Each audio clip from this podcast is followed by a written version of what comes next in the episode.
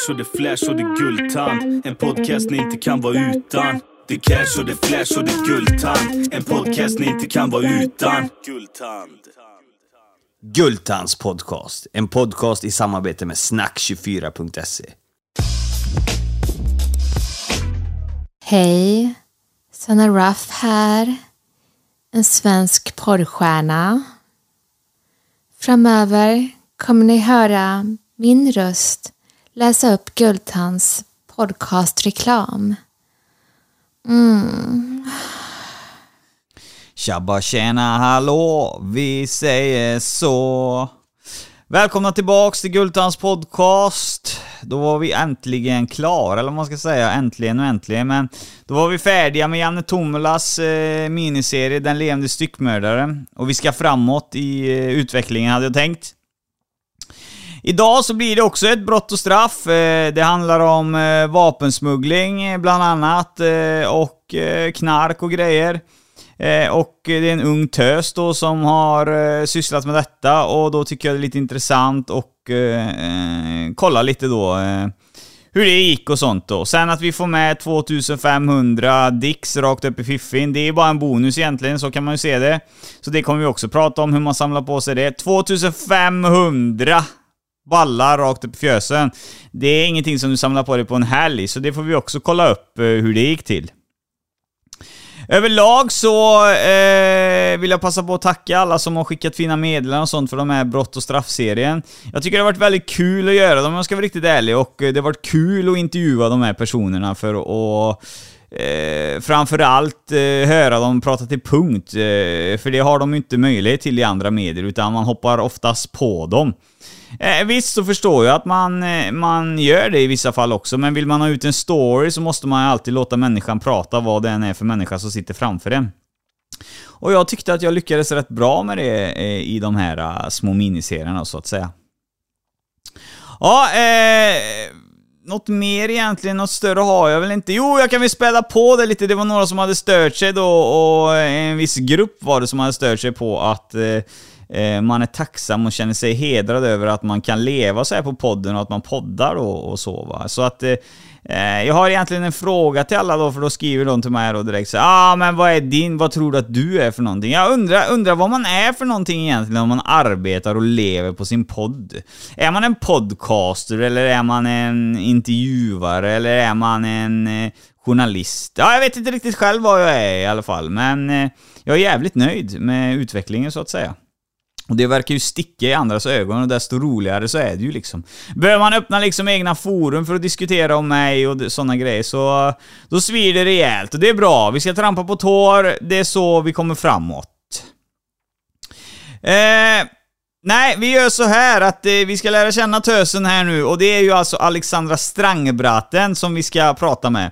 Eh, många av er har säkert eh, följt henne redan på Instagram för hon har jävligt många följare där redan så att eh, hon är inte helt okänd den här tösen så att eh, Ja, eh, det kan bli eh, personligt för vissa och vissa inte, men jag passar ändå så på att varna för känsliga, varna för känsligt material. Om jag säger så, så har jag gjort det i alla fall. Nog om det, nu kör vi! Välkommen in i studion, Stangebraten. Var det rätt nu eller? Ja, nu var det rätt. Nu var det rätt. Vi har brottats med det där hela förmiddagen här och säga rätt. Men eh, så vi, vi använder inte det så mycket i den här podden, för då kommer det bara bli fel. Eh, den norska milfen har anlänt till Gultans podcast. Trevligt. Tack. Och jävligt, eh, jävligt smidigt och oväntat att vi bodde nästan grannar. Det kan man ju inte tänka sig att man har missat den lätte. Ja, nej, faktiskt inte. Nej. Och i det här avsnittet så ska vi snacka om ditt liv från ung tills idag och det här är ju ett sånt här... eh, Jag är ju jävligt, eh, gillar ju de avsnitt jag gör och kategorierna jag är involverad i. Eh, Men någonstans så har jag ju nått det att det är mycket porr och kriminalitet eller såna här grejer. Och här kommer vi få ett avsnitt liksom som är 50-50. Här kommer vi jobba med båda delarna. Ja. Det är liksom jackpot för podden. Så att vi är tacksamma att ha dig här. Och eh, du besitter eh, en jävla massa rekord som vi inte heller har lyft innan i den här podden. Så att, eh, ja, fy fan vad kul. Vi börjar med det. Var är den norska milfen född någonstans och hur gammal är hon? Jag är född i Sverige, Mm. men, och jag är 26 år. 26? Ja. Nätta 10 år yngre än mig. Men det gör inget. Och när du föddes då, vad föddes du in till för familj? Vad, hur såg den ut? Jag är uppvuxen med ja, mina syskon hemifrån. Ja. Eller ja, bodde hemma ett tag. Eh, Jag är yngst. Ja. Eh, mamma och pappa. Mm. Eh, ja, det finns inte så mycket att säga egentligen. Det ja, som en vanlig familj på det sättet. Mm. Mina föräldrar gick isär när jag var 15. Eh, ja, alltså. Det är inte något, eh, det är standard, ingen dramatik. Nej, egentligen inte. Det var egentligen ganska lugnt. Det var bara jag som var rebell liksom. Ja. sket lite i vad mina föräldrar sa. Ja.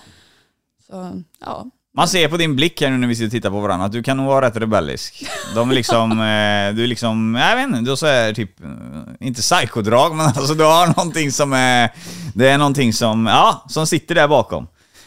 Och jag besparar mig för att ta reda på resten. Så vi, vi, då skiter vi i det. Då har vi en vanlig barndom här eh, i, eh, vart fan var, sa du vart du föddes någonstans i Sverige? jag föddes i Trollhättan. Trollhättan? Men jag är uppvuxen i Bullarn. Okej, Trollhättan är jag ifrån. Det hör du säkert på dialekten. Ja, jo, jag gjorde det. Ja, vart i Trollhättan bodde du då? Nej, jag är född bara. Ja, du är bara född på där, Näl? Ja, ja, okej. Ja, ja. Bullarn, det känner vi till också. Där har vi varit där uppe, men där finns ju inte mycket att göra. Nej, det var helt dött att bo där. Det finns en polare till mig där uppe, vi hälsar till han Anders. Nu är vi uppe i Bullarn här och ska röva där. Han och jag har jobbat som ventilation ihop. Eh, Jävla trevlig kille. Jävla storbonde där uppe. Jag tror han äger halva Bullarna om jag ska vara riktigt ärlig. Ja, eh, skitsamma. Eh, då går vi in på när du steppade in på eh, grundskolan då, ettan till trean. Vad var det för tjej som hoppade in i skolan? Hur vill du beskriva henne? Jag var extremt blyg. Jag Ja. var väldigt försiktig av mig. Jag var mobbad för att jag var olik de andra ansåg de. Jag Mm. hängde inte riktigt med i skolan. Det var liksom inget roligt i sig. Eh, sen så började jag steppa upp mig lite så jag och en eh, före detta klasskompis vi var ju helt kaos. Ja. Vi gjorde, ändrade om i folks eh, skåp och flyttade på deras kläder eller så höll vi på att irritera lärarna. Så det började väldigt tidigt. Ja, okej. Och det känner du att eh, det beteendet som ni gjorde, det skapades av att ni var lite utanför och ni, ni tänkte att då kan vi lika gärna skapa drama, eller? Ja, men det var väl lite så, det var väl bara för att bli sedd. Det var Okej. ju väldigt mycket att alla andra var favoriter i skolan medan vi var bara, vi såg som ett problem hela tiden så vi fortsatte ju. Ja, okej. Ja, ja, okej. Är det här någonting som eh, brottas med ända upp eh, i hela skolgången, eller är det här något eh, grej i början bara? Nej, det brottades fram till jag gick i åttan tills allting vände. Så alla som hade varit på mig, alltså jag gick ju emot dem till slut. Alltså Ah, okej. Jag blev ju helt psycho egentligen. Det, alla som var mina mobbare, de toalettdoppade jag. Ja. Så det kändes jag, tyckte jag var jätterätt. Men det var det ju egentligen inte. Men jag fick ju min eh, hem tillbaks. Nej, jag vet inte. Jag, jag, jag, tycker det känns... Blir man mobbad av vissa om man doppar dem i en toalett så känns det... Det känns rätt för mig i alla Ja, fall. jo, jag Ja. tyckte det var rätt just under de tillfällen det skedde faktiskt. Ja, ja, okej. Eh, vi är ju...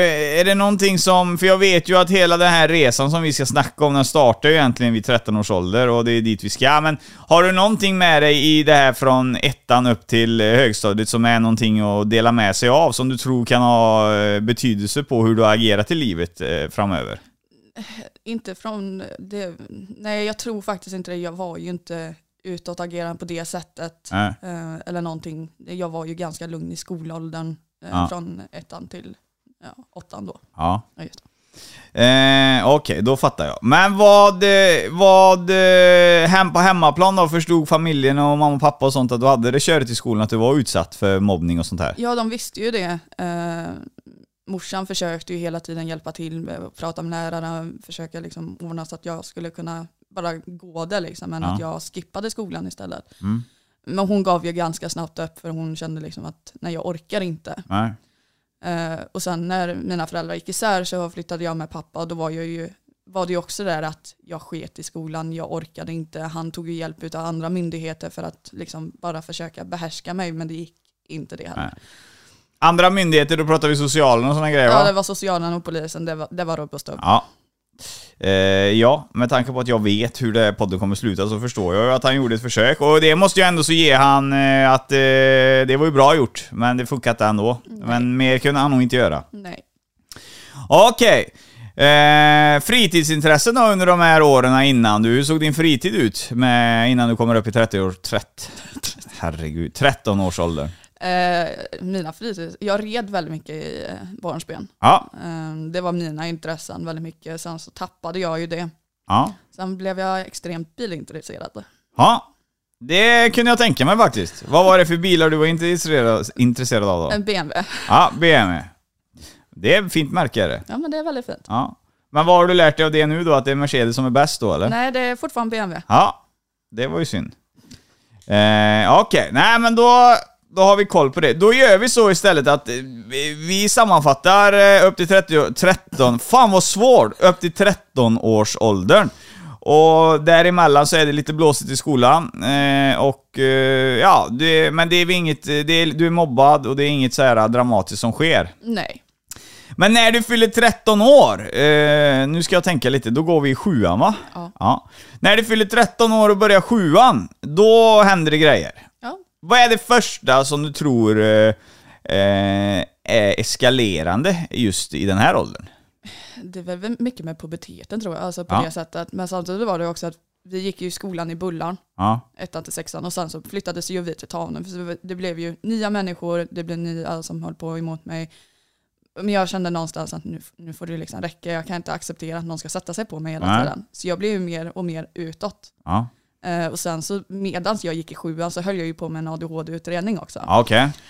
Eh, så där jag fick svart på vitt att eh, jag hade ju grov ADHD. Ja. Det känns så. Ja, Det behövdes inte många utredningar till det. nej det gjorde ju inte det. Nej. Men det är ju inget konstigt med det, utan det har väl egentligen 90%. Jag har också någon sån här diagnos, det är bara att jag inte eh, egentligen fördjupat mig i det. Men någonting har jag nog. Ja, men det har säkert vi alla i dagens läge. Jag hörde, jag hörde ett rykte om det, alltså att alla du vet kända företagare och såna här grejer, drivna människor som fan alltså, som alltid krigar på. De har någon form av diagnos eh, och jag tror lite på det där alltså. För den vanliga Svensson, den gillar ju att jobba sitt eh, pass och sen kommer man hem och sätter sig i soffan och äter tacos med familjen, sen går man och lägger sig. Ja. Då blir det inte mycket nyskapande eller extra pengar. Så att, eh, ja, Eh, det får vi säkert massa skit för, för vi sitter och gissar på så. Men eh, så är det. Vi får gissa lite här i den här podden. Okej, nu tappar jag tråden också bara för det. Men vi är på 13-årsåldern och där så får du där går det ju fart då, så att säga. Men här, i den här 30, 13-årsåldern, Fan! Ursäkta ni som lyssnar, det går inte. Vi säger i den åldern där allting eskalerar. Eh, här förlorar du din oskuld. Eh, du eh, blir eh, kriminell kan man säga och du börjar nyttja droger. Ja. Vilket kommer först? Eh, först så var det när jag förlorade oskulden. Ja, Sen så var det eh, narkotika. ja. Eh, och sen det kom kriminaliteten då. Okej, då börjar vi med det. Personen som du låg med, som förlorade oskulden med, var det en kriminell? Nej, det var en nog den eh, hedligaste människan jag någonsin har träffat Ja, Okej. faktiskt. Han var, vad ska man säga, en bekant till familj, eller ja, till min, omkrets, som de som jag umgicks med. Ja, Okej. Så jag kände ju honom på det sättet, men jag var ju väldigt nyfiken. Så jag ställde ju bara frågan, gick bara rakt fram till honom och ställde frågan. Om han ville ligga med dig? Ja, Ja, du fick ja. ja, jag fick ett ja efter väldigt mycket om och men. Ja, okej. Tog du hans oskuld med? Nej. Nej, då var det därför han svarade ja så snabbt då, för då vet han vad det handlar om. Okej, men det kan vi väl egentligen inte... Ja, vi kan egentligen, eh, vi kan egentligen ändå så fördjupa oss i den situationen. Intressant för folk som lyssnar.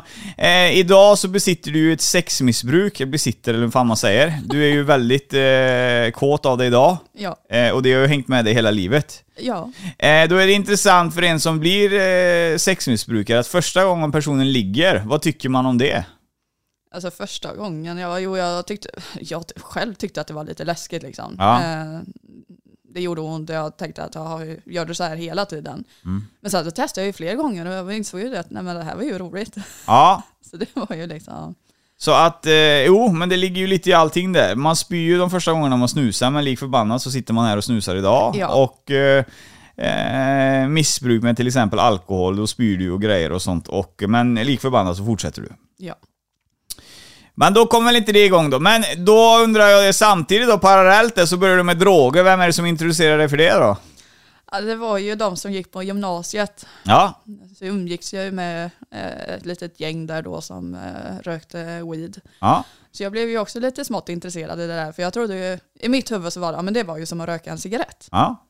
Så jag fick ju testa på det där och sen så blev det ju att jag varje vecka gick ju och köpte då. Ja. Ehm, och rökte det här. Men det, jag insåg ju ganska snabbt att det var inte så roligt. Nej, jag har aldrig fått, eh, jag kanske har rökt, alltså det är lite komiskt, men jag kanske har rökt kanske 6-7 gånger i hela mitt liv och jag är 36. Det slutar alltid med att jag ligger i fosterställning och ser gröna gubbar som springer runt liksom. Det blir alltid för mycket. Eh, men det har lite med att göra att jag har ju ett alkohol... Jag har ju varit, eh, ja, typ alkis kan man säga. Jag har ju druckit, men jag dricker ingenting längre idag. Men det är det att eh, mm, alla som är missbrukare av något, eh, på något sätt, så även om de har slutat. Det är ingen, jag tror ingen kan portionera, det är alltid för mycket. Allting ska alltid vara för Ja. mycket hela tiden. Eh, så att, eh, ja, okej. Eh, och i det här då, de här gymnasiefolket som du träffar då, eller något sånt där. Eh, är det de här framtida kriminella då som du börjar hänga med eller? ja, jag umgicks ju med dem i skolåldern, det var ju åttan och nian då. Ja. Eller sjuan, åttan, nian. Ehm, men sen så flyttade ju jag och pappa till Lysekil. Mm. Så det var ju i Lysekil som jag började umgås med de som var lite mer kriminella då. De i Tanum, de, äh, ja, längsta de gjorde det var dieselstölder liksom. Ja. Det var inte så roligt Vi är på den nivån här i ja, Tanum. ja, med, äh, trädgårdsslang och så nere i tanken, det var inte så ja, nej. Ja, ja, men vi är i Tanum. Där är, där är det dieselstölder som gäller ute på vischan där. Okej.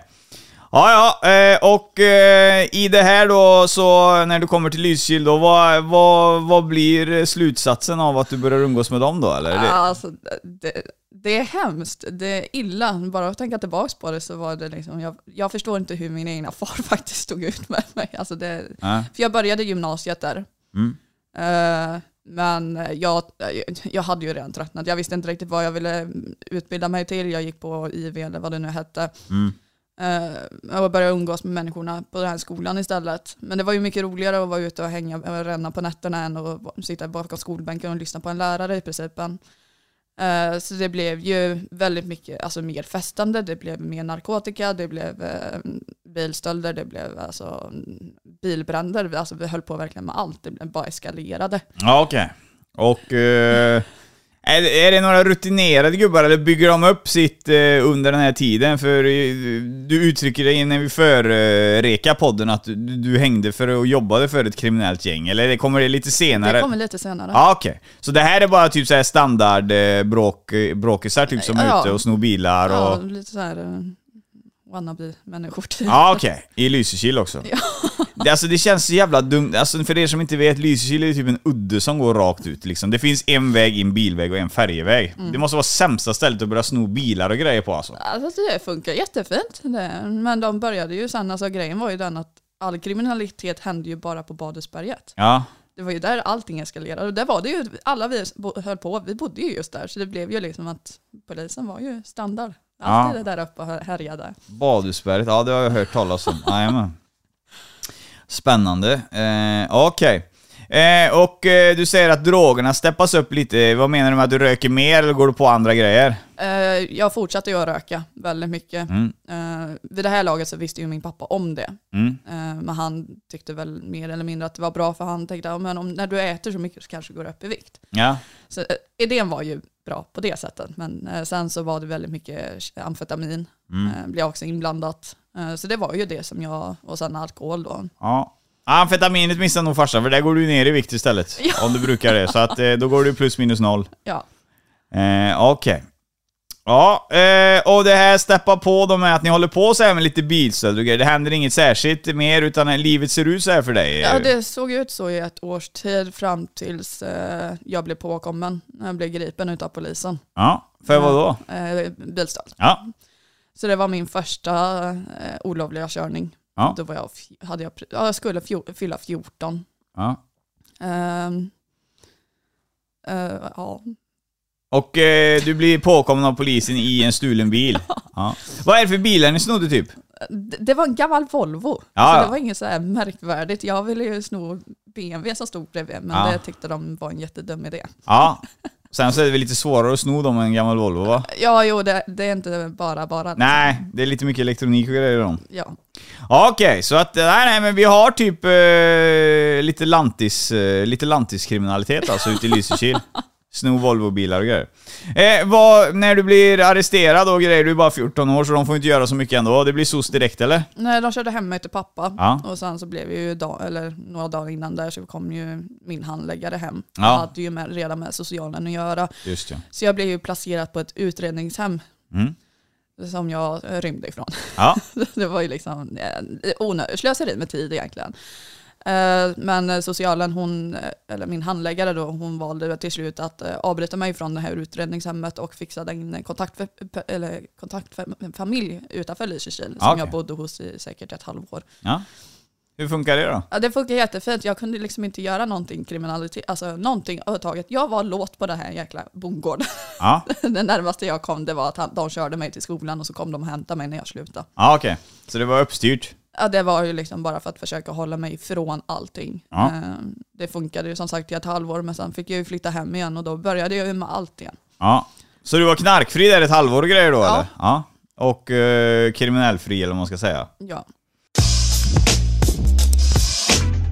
Ja, Snack 24, Sanna Ruff. Sveriges bästa telefondating. Ja, verkligen. Det är en jävla bra idé det tycker jag, att man eh, dejtar där och man får höra massa ljudfiler först och lära känna personen, för man spelar in sina egna prestationer och sånt. Eh, istället då för att få en bild direkt, ah han var fin, är han var ful typ. Utan här får man ju verkligen lära känna personen först. Vad tycker du om det? Ja, men det är en väldigt bra idé alltså. Ja. Och du som är singel, vem fan vet, du kanske också dejtar där inne? Ja, vem vet? Du är den tuffaste utav alla, men du är lite lurig också. Ge mig fan på att du hänger på datinglinjer. Kanske det. Mhm. Och sen så, du som är tjej då, hur känns det? För det är ju alltid gratis för tjejer att dejta på Snack 24. Är det bra tycker du? Ja, men det är ju jättebra. Det ska vara gratis för tjejer. Grymt. Och för er som vill veta mer om Snack 24 och hur man dejtar där, går in på www.snack24.se. Där kan ni re- regga er då och börja dejta. Ja, på några sekunder så är ni igång med dejtingen helt enkelt. Man får all information där. Så in och dejta på Snack 24 så kanske ni hittar Sanna Ruff där. Ni har väl inte missat att ringa till Private Line, Sveriges bästa telefonsexlinje. Där kan ni bland annat mysa med mig. Skulle inte det räcka så ring till Klubb 24. Där är vi ännu snuskigare. För mer info besök privateline.se och klubb24.se. Mm. Här då, eh, redan, så vet jag ju det att eh, du har ju samlat på dig väldigt mycket sexpartners och du har ett sexmissbruk och eh, vissa knullrekord och sånt som vi ska gå igenom. är det någonting som händer i den här åldern eller lite senare? Eh, Det händer även där. Det eh, började liksom eh, vid 13 och fortsatte fram tills, eh, ja, tills idag. Liksom. Ja, okej. Men vad vad det var grejen? Det här gänget som nu umgicks med i Lysekil, var det bara killar eller? Ja, det var bara killar. Mm. Och låg du runt om alla dem eller? Nej, Jag låg faktiskt bara med en där. Ja, okej. Så att det var inget så heller att de hade med dig för att du, du visste att det var lättillkomligt? Nej, det... De, jag frågade dem på senare år, eller senare tid, varför de ens hade med mig. Men det var ju för att jag var så liten så de kunde ju skicka in mig på alla de här småställena som de inte fick plats på. Ja, okej. Så jag, jag är lite smått utnyttjad. Ja, som ett verktyg ja. Okej. Okej, nej men vi, vi steppar vidare. Vad har du, vad utvecklar du då när du kommer tillbaka från det här äh, boendet då så att säga? Vad, då tar du upp allting igen? Ja, då tar jag ju upp allt, um, börjar umgås med en, eh, eller en grannflicka börjar jag umgås med väldigt mycket. Pappa var, eh, hennes eh, bonusföräldrar då var ju eh, väldigt goda vänner de tyckte att ja, men då har du någon att umgås med och kanske blir lite mer normal. Men vad de inte visste att hon höll ju på med samma saker så vi pushade ju varandra till alltså, att hålla på hela tiden. Det fanns ju ingen gräns. Ehm, det var, resulterade i väldigt mycket att polisen kom och hämtade mig nere i stan och körde hem mig för att de mötte mig på stan när jag var jättefull eller påverkad. Och det var ju liksom under en väldigt lång period som eh, polisen eller kom och knackade på och pappa bara, ja, igen, kul. Ja, okej. Ja, då... eh, Är det här någonstans, eh, den här vadslagningen, eh, är det du och hon som har den här vadslagningen Ja. med varandra? Att när ni är singlar så ska ni knulla med så många killar som möjligt? Ja. Det är rätt unik vadslagning, jag har inte hört det innan i den här podden alltså, någon gång alltså. Och det var ju ofta sommartid beskriver du som och... eh, Ja, när du var singel på sommarlov då, eller vad man ska Ja, säga. ungefär. Ja. Eh, och rekordet då för en liggsommar då, eh, vem hade det och vem vann? Jag vann varenda sommar. Varenda sommar? Varenda sommar. Ja. Vad toppar du med, eh, vad toppar du med i liggpartners på en sommar? Ja, det var ju första sommaren som vi började med det här. Mm. Då var det runt 105 stycken i principen. Ja, det, mellan 105 och 106, det var liksom aldrig över. Jag hade ju själv ett, där som jag ville uppnå, då var det 120 personer. Ja. Men jag, jag kom liksom aldrig riktigt dit. Så du ville upple- uppnå 120 personer? Ja. Ja. Men eh, då, då kommer min fråga. Fan, eh, för om du ska hålla på och ligga med 120 pers, eller 105 då som det blev. eh, Då hade du egentligen, då ligger du med flera personer per dag här. Ja. Om du ska få ett, vad är toppen av en dag då? På, och, och, Eh, Fasiken var det? Jag tror det var mellan ja, 10 pers vid ett tillfälle, men då var det en fylla en hel dag, så det var ju liksom ja, slänga ut en och så ta nästa. ja. Men hur, hur fan går detta till då? Sitt, satt du då på social media och jagade folk? För, för så här jävla många killar finns väl inte ens i Lysekil? Det var ju alla de här sommargästerna som var satt ju typ på Badoo eller just Tinder eller det, någonting ja. sånt där. Ja, ja de, det kommer en jävla ökning dit ja. ja. Men vad, vad fan, eh, sprang du hem till farsan då med varje kille eller vad fan låg du med dem? Det- Nej, eh, tjejkompisen hade ju egen lägenhet. Ja. Så jag bodde ju i principen hos henne hela tiden, så jag tog ju dit. Ja. jag, för jag skrev ju till henne och ställde frågan, är det okej? Hon bara, kör på, kör på liksom. Ja. För vi bägge, vi turades ju om hela tiden. Ja, Så det blev ju, ja, väldigt mycket hos henne. ja. Men om du, om du låg med en kille hemma hos henne och han blev färdig, kan han hoppa över till henne då direkt? För Ja, det, räknas var, det? det var faktiskt en som gjorde det. Ja. Vi satt och dividerade om det räknades eller inte, men det gjorde det. Det eftersom- bör du göra. Ja, jo. Fast det är konkurrerande verksamhet och ni har en tävling. så att, ja. Okej. Och för att sammanfatta det här egentligen med ditt liggande och ditt sex- sexmissbruk, ja sammanfatta för stunden, vi kommer ju tillbaka dit va, men... Eh, alltså tott i ditt liv, så nämnde du att du har legat med ungefär 2500 personer va? Ja. Ungefär. Det är extremt mycket.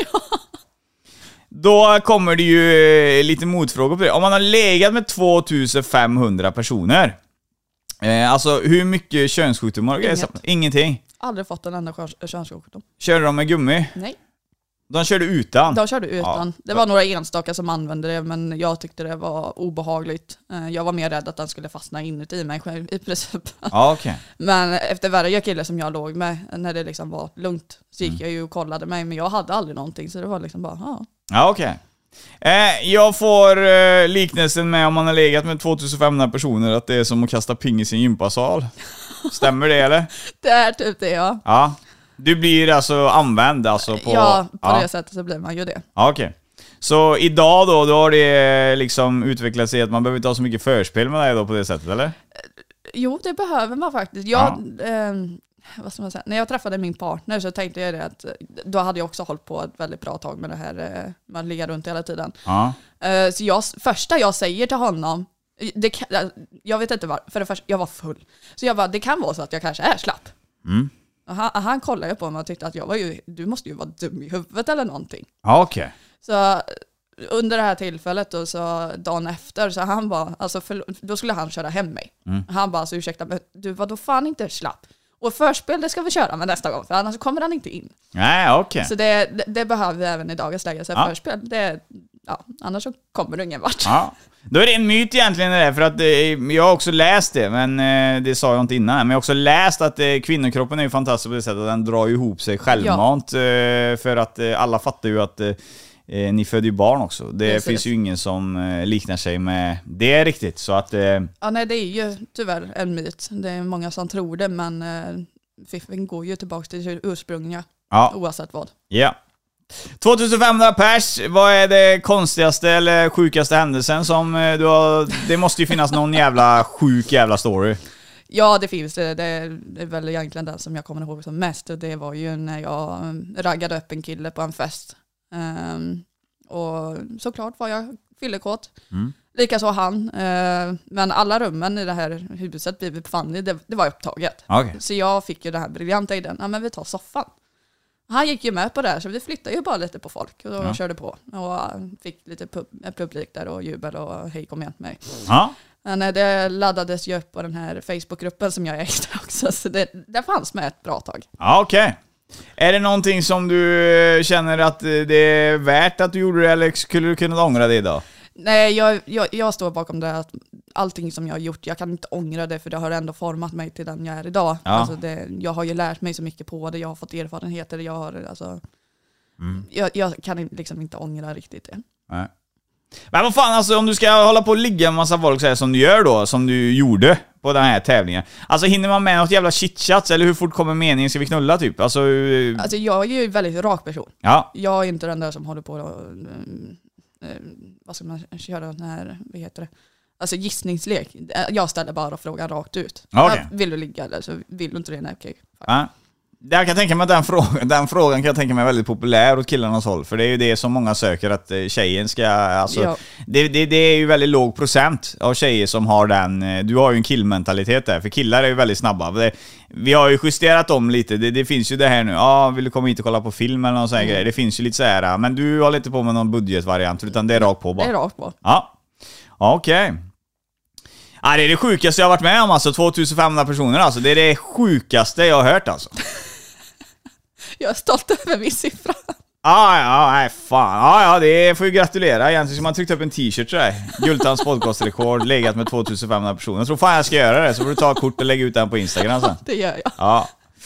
Ja det, är, ja, det är fantastiskt. Men bland allt, eh, vi får ju sadla om här, bland allt jävla knullande som fortfarande är under den här tiden så kom du tillbaka från den här gården. Men någonstans här så toppar du ju upp, skolan är fucked up, det går ju inte någonting alltså, det är ju kört så den behöver vi inte ens diskutera. Nej.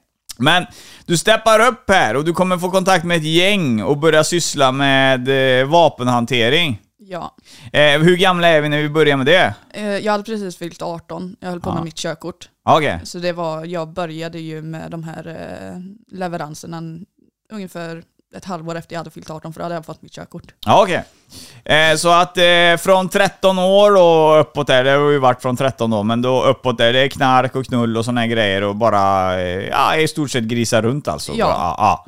Eh, du får ursäkta uttrycket, men det, det, det blir ja, det, det är det. Men sen så då, träffar du någon särskild person eller hur fan kommer du i kontakt med det här gänget? Eh, Jag hade ju umg- alltså, mitt umgänge var ju väldigt speciellt på det sättet. Alltså det var ju några som jag umgicks med dagligen och vissa som jag träffade då och då. Mm. Men jag började umgås med det här folket som jag träffade då och då lite oftare. Mm. Och ena där var ju relaterat till det här gänget. Mm.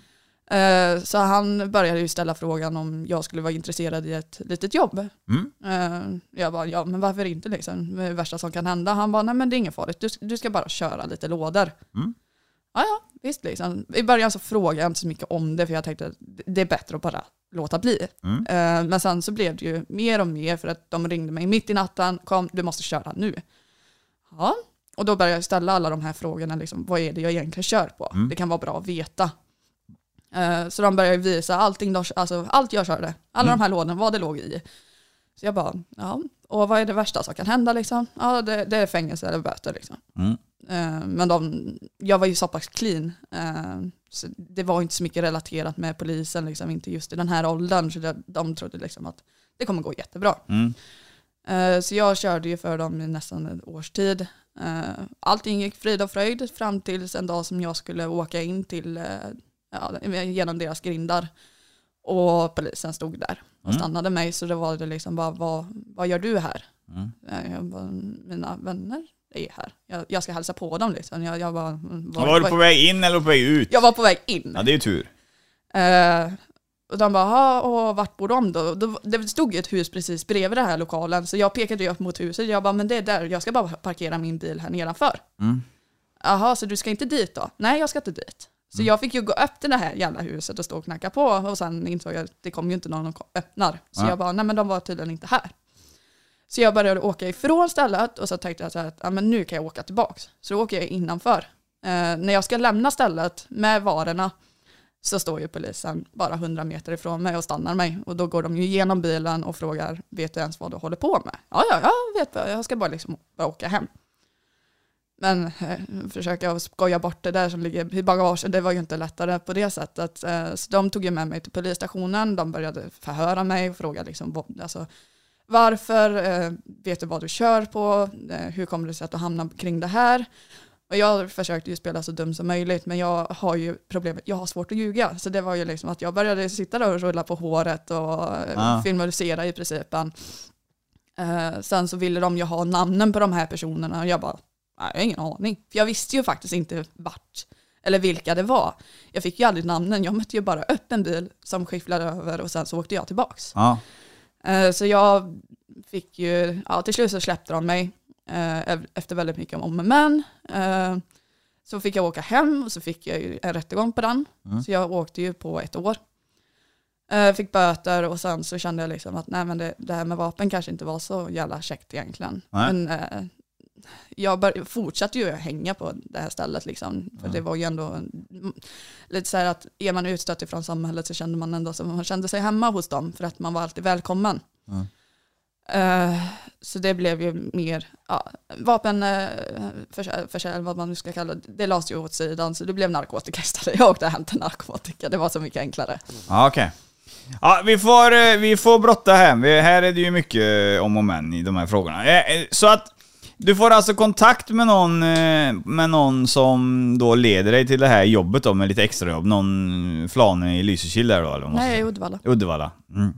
Och du är på min hemmaplan nu? Ja, Ja, okej. det var din hemmaplan. Ja, ja det är ju egentligen inte, det är Trollhättan. Men okej. Och där då så ska du alltså köra vapen då, men det säger han inte utan han skickar dig till en plats då där du ska arbeta ifrån och köra varor då som Ja. de kallar det, okej. Eh, vad får du för betalt för en, en körning? Eh, första gången fick jag ungefär 50 000. Ja, det är ju, ja. Ja, det var, det, men det, det var beroende på hur många lådor. Så Ja. det högsta som jag fick innan jag slutade och la av med det så fick jag 150 000. För en körning. Ja. Ja. Det är ju det, är det som är problemet. Det är rätt många som nappar på det.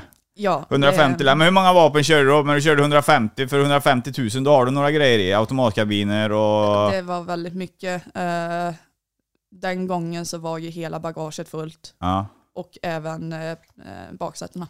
ja okej.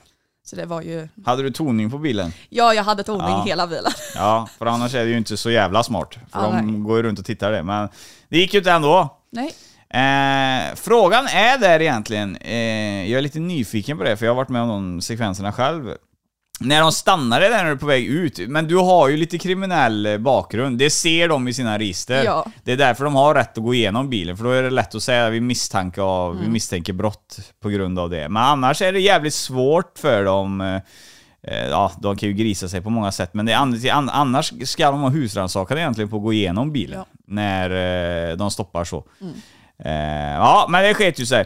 Så att du åker dit då för, vad är det för vapen du kör? Alltså vet du märken och såna här grejer? Är det nya grejer eller är det en massa jävla gamla krigsvapen du kör? nej det var ju alltså, det var blandat. enda jag kommer ihåg det var AK47 eller vad fasken den heter. Ja, okej. Det var ju det som intresserade mig som mest. Ja. Eh, sen var det vanliga små pistoler och lite sånt där. Det var allt möjligt i det här Hur laddarna. packar de det? Kom det i kartonger eller kom det i vapen... Eh, Nej, det kom fodral? såna här vapenlådor. Ja, okej. Alltså, vad för färg på dem? Gröna eller? Vad kan det vara? Bruna, ja, bruna eller någonting sånt där. Det, alltså, det var trälådor. Det var Ja, det är original. Det, det, ja, det är någon jävla spännande grej där, för att eh, militären har ju gröna, och sen kör ju inte de med Kalashnikov heller, så att det här är ju säkert intaget från något annat land då. Ja. Säkert Balkan som kommer ifrån eh, vissa utav grejerna. Mm. Eh, Okej, ja det är ju jävla spännande vinkling där. Vad gjorde du med pengarna då när du fick 150 000? De slösade jag bort. Det var... Ja, jag spenderade på kläder, skor, rubb Mm. och stubb. eh, köpte droger. Ja. Eh, sen så betalade jag av pappa väldigt mycket för jag ju, hade ju lånat honom genom åren med massa pengar så jag kände liksom till slut, nej men jag betalar av så jag blir skuldfri från honom då. Mm. Eh, Det är väl bra? ja, Eh, undrar inte han var du fick pengar ifrån? jag hade ju dragit den här fina lögnen att ja, men jag har skaffat ett sommarjobb. Ja, okej. Ja. Men han började ju misstänka att någonting inte riktigt stämde. Det är ju ett jobb. Det är bara att det inte är lagligt jobb. Precis, Men det är ju ett jobb. Hur många körningar hann du med i din karriär?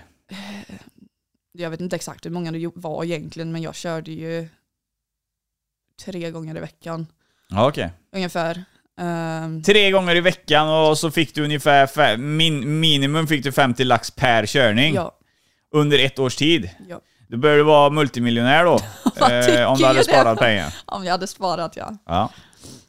Okej. Eh, hur långa var det? Vi säger att eh, punkt A var från Lysekil. Vart, eh, var det olika punkt B eller? Punkt B, det slut eh, var mellan Göteborg och eh, Stockholm Ja, hela tiden, så det var bara samma rutter hela tiden. ja okej. Eh, jag fick ju förfrågan om jag ville köra ner till Skåne, men jag bara nej. Eh, Det Göte. Göteborg, Stockholm. Men du lastade i Uddevalla då? Jag lastade i Uddevalla, körde till Göteborg, eh, lastade av lite där, tog med och åkte till Stockholm. Ja, Så okej. där- Hade du hand om pengarna med? Nej, jag hade faktiskt en vän med mig som tog hand om pengarna. För att jag kände liksom att det ser dumt ut annars om jag kommer själv och så sitter jag själv med massa pengar i bilen. Mm. Så det blev att hon fick ta hand om det istället då. Eh, Så inte för att det gjorde egentligen saker bättre, så hon gömde det under sitt säte. Ja, okej. Men ja, det, det hjälpte ju faktiskt inte så mycket. Det kändes ju dumt ändå. Ja. Vad körde ni för bil? Jag körde en Ford Focus då. Ja, en nyare modell. Ja, det var en gammal. Ja. ja, det är spännande att ni klarar er så många. Men där ser man ju också vad de här småstäderna då... eh, Här har vi liksom Uddevalla då som föder Göteborg och Stockholm med vapen. Så att det behöver inte vara åt alla andra håll. Att, alla ryktar ju att det är Stockholm och de storstäderna som föder småstäderna med grejer. Men det är mycket tvärtom också. Ja, Eh, så. Ja, det var en jävla veva. Och här var vi ju 18 år då precis. Men eh, jag tänker på, du blir dömd. Vad blir du dömd för? eh, vapeninnehav. Eh, Det måste vara grovt. ja, det, det var grovt. Ja, synnerligen grovt måste det vara. Om du körde med massa... Ja, okej. Och mer då? Eh, vad fan ska vad var det mer? Ja, det var ju vapenbrott. Eh, sen var det ju... Vad ska det hette? Eh, jo, jag blev också dömd för ringa narkotikabrott och eh, rattfylla. Var du full när du körde? Eh, nej, jag var inte eh, ringa narkotikabrott då. Eller eh, rattfylla på narkotika. Ja. Eftersom de hade ju... Ja, jag hade det på mig, de misstänkte att jag hade det i blodet. De åkte ju såklart och gjorde de här testerna på sjukhuset men det kom tillbaka att det var negativt. Men då kan de inte ta körkortet ju. Nej, de tog inte körkortet Nej. där. Nej, jag tänkte det. Det blir du av med en annan veva då. Ja. Ja, för att det spelar ingen roll om du kör en, kör en atombomb. De kan inte ta körkort för om du kör lagligt, utan det är ju inte samma brott. Nej. Okej.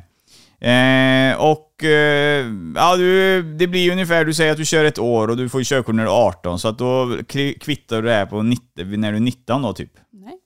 Nej, du kör på ännu längre? Ja, jag förlorade ju mitt körkort för 2019. Fan, nu ska vi räkna. Det är ju, ja, fyra år sedan Ja. ungefär. Ja. Det är det inte alls, det är fem år sedan. Alltså, Skitsamma. Ja, det, Ja. ja. det ja. Ja. Eh, varför förlorade du det? Eh, grov narkotika, eh, ratt, eh, narkotika, rattfylla, eh, innehav. Ja. Jag blev ju stannad vid två tillfällen i 2019 där. Ja. Eh, första gången så var det liksom att eh, jag trodde att jag skulle förlora det då. Ja, Men det gjorde jag inte. För de, jag fick bara en varning och så fick jag åka. ja okej. Så jag bara, jaha. Men så var det ju en månad senare efter det så blev jag stannad igen och de bara, du vet att vi tar ditt kort nu va? Ja. Ja, okej. Så jag fick ju från Transportstyrelsen, hade jag bara lyssnat på den första gången som jag blev stannad och låtit bli körkortet, Ja. eller, eller låtit bli att köra så hade jag fått tillbaka det efter ett år. Men jag fick det indraget i 22 månader. Ja, okej. Så Eh, ja, ja, då förstår jag. Då förstår jag vad du menar. Eh, så att, eh, men vad fan, vad fan var konstigt tillfälle när de stoppade det där och då stoppade de det första gången men de säger inget, de ger dig en varning bara. ja, de gav mig bara en varning. Det var liksom, ja men till sjukhuset, ta blodprover, lämna pisseprov. Det visade sig, men det var ju liksom, de, de, de bara, men du får köra vidare, du har kvar ditt körkort liksom. Ja. Ja, jaha. Så jag blev säga, vad, är, det, är det verkligen sant liksom? Så jag Ja. blev ju lite skeptisk. Jag ringde ju till polisen dagen efter och frågade om jag hade kvar mitt körkort eller inte. Ja. För min mamma gjorde ju samma sak, för hon blev ju också såhär, men nej du kan inte ha kvar det. Ja. Men jo då, jag hade kvar det. Det var inte indraget. Lata poliser, de skrev nog ingen rapport på det heller då tydligen. Nej, ja, det vet jag fasiken faktiskt om de gjorde. Eh, inget. Jag, jag blev inte dömd för den gången, jag blev ju bara dömd för andra gången. Ja, okej. Vad fick du för det? Eh, ja, det var det ju ringa narkotika, uh, rattfylleri och eh, dagsböter på 6 000. Ja, ja. Men det är ju... Men då blir du av med kortet också? Ja, jag blev av med kortet. Ja, då är det dyrt. För annars är ju 6000 det är ju hyfsat billigt istället för att ta ett nytt körkort, för det kostar flis. Som fan. Ja, jo. Och där bryter vi för del 1 med Alexandra Strangebraten här i Gultans podcast. Vi har kommit en bit in i hennes liv och lite så här och allt möjligt och jag tycker att eh, det, börjar bli riktigt intressant. Jag hoppas också du gör det. Och nästa vecka så släpper vi alltså del 2 med Alexandra här i Gultans podcast. Fram tills dess så gör ni som vanligt in och writa, ratea podden på Spotify, Apple Podcast och överallt där ni lyssnar. Klicka ner gilla, följ och hela skiten. Skriv en kommentar, kör på bara. Jag blir synligare och synligare på Google så att ni gör ert jobb bra, men med tanke på att det dyker upp eh, nytt folk hela tiden så gillar jag att uppdatera så man vet att eh, ni har koll på vad som gäller. Och så vill jag också passa på att välkomna då Österrike. Eh, välkomna hit till Gultans podcast. Jag visste inte alls att ni ens pratade svenska. Eh, men eh, vissa förstår svenska, för procenten på folk som lyssnar i Österrike och, och Norge eh, är ju faktiskt väldigt fin. Den är väldigt fin. Eh, och är det så då att du är från Österrike och sitter där så får du gärna posta en österrikisk chokladkaka till studion här. Det är bara att skriva till mig på Instagram så ska du få adress så jag kan smaka på det. Eh, jag och frugan är lite sugen på det och min morsa också för den delen för det ska vara väldigt bra choklad där nere har vi hört. Och i Norge, ni kan ju också skicka en chokladkaka, en sån där eh, med ett sånt där eh, klöverblad på mjölkchokladen. Den är också jävligt fin den chokladen faktiskt. Men nu är ni här och handlar hela tiden så att i Sverige, så nu har ni väl bara Marabou antar jag, men... Ja. Det grer sig, det grer sig, som flickan sa.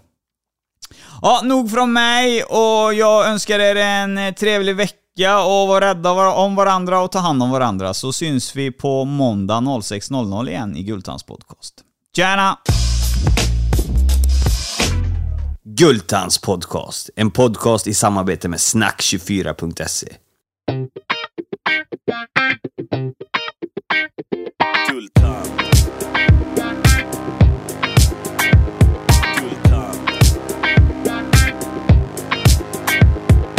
cash och det flash och det guldtand. En podcast ni inte kan vara utan. Det är cash och det flash och det guldtand. En podcast ni inte kan vara utan. Guldtand.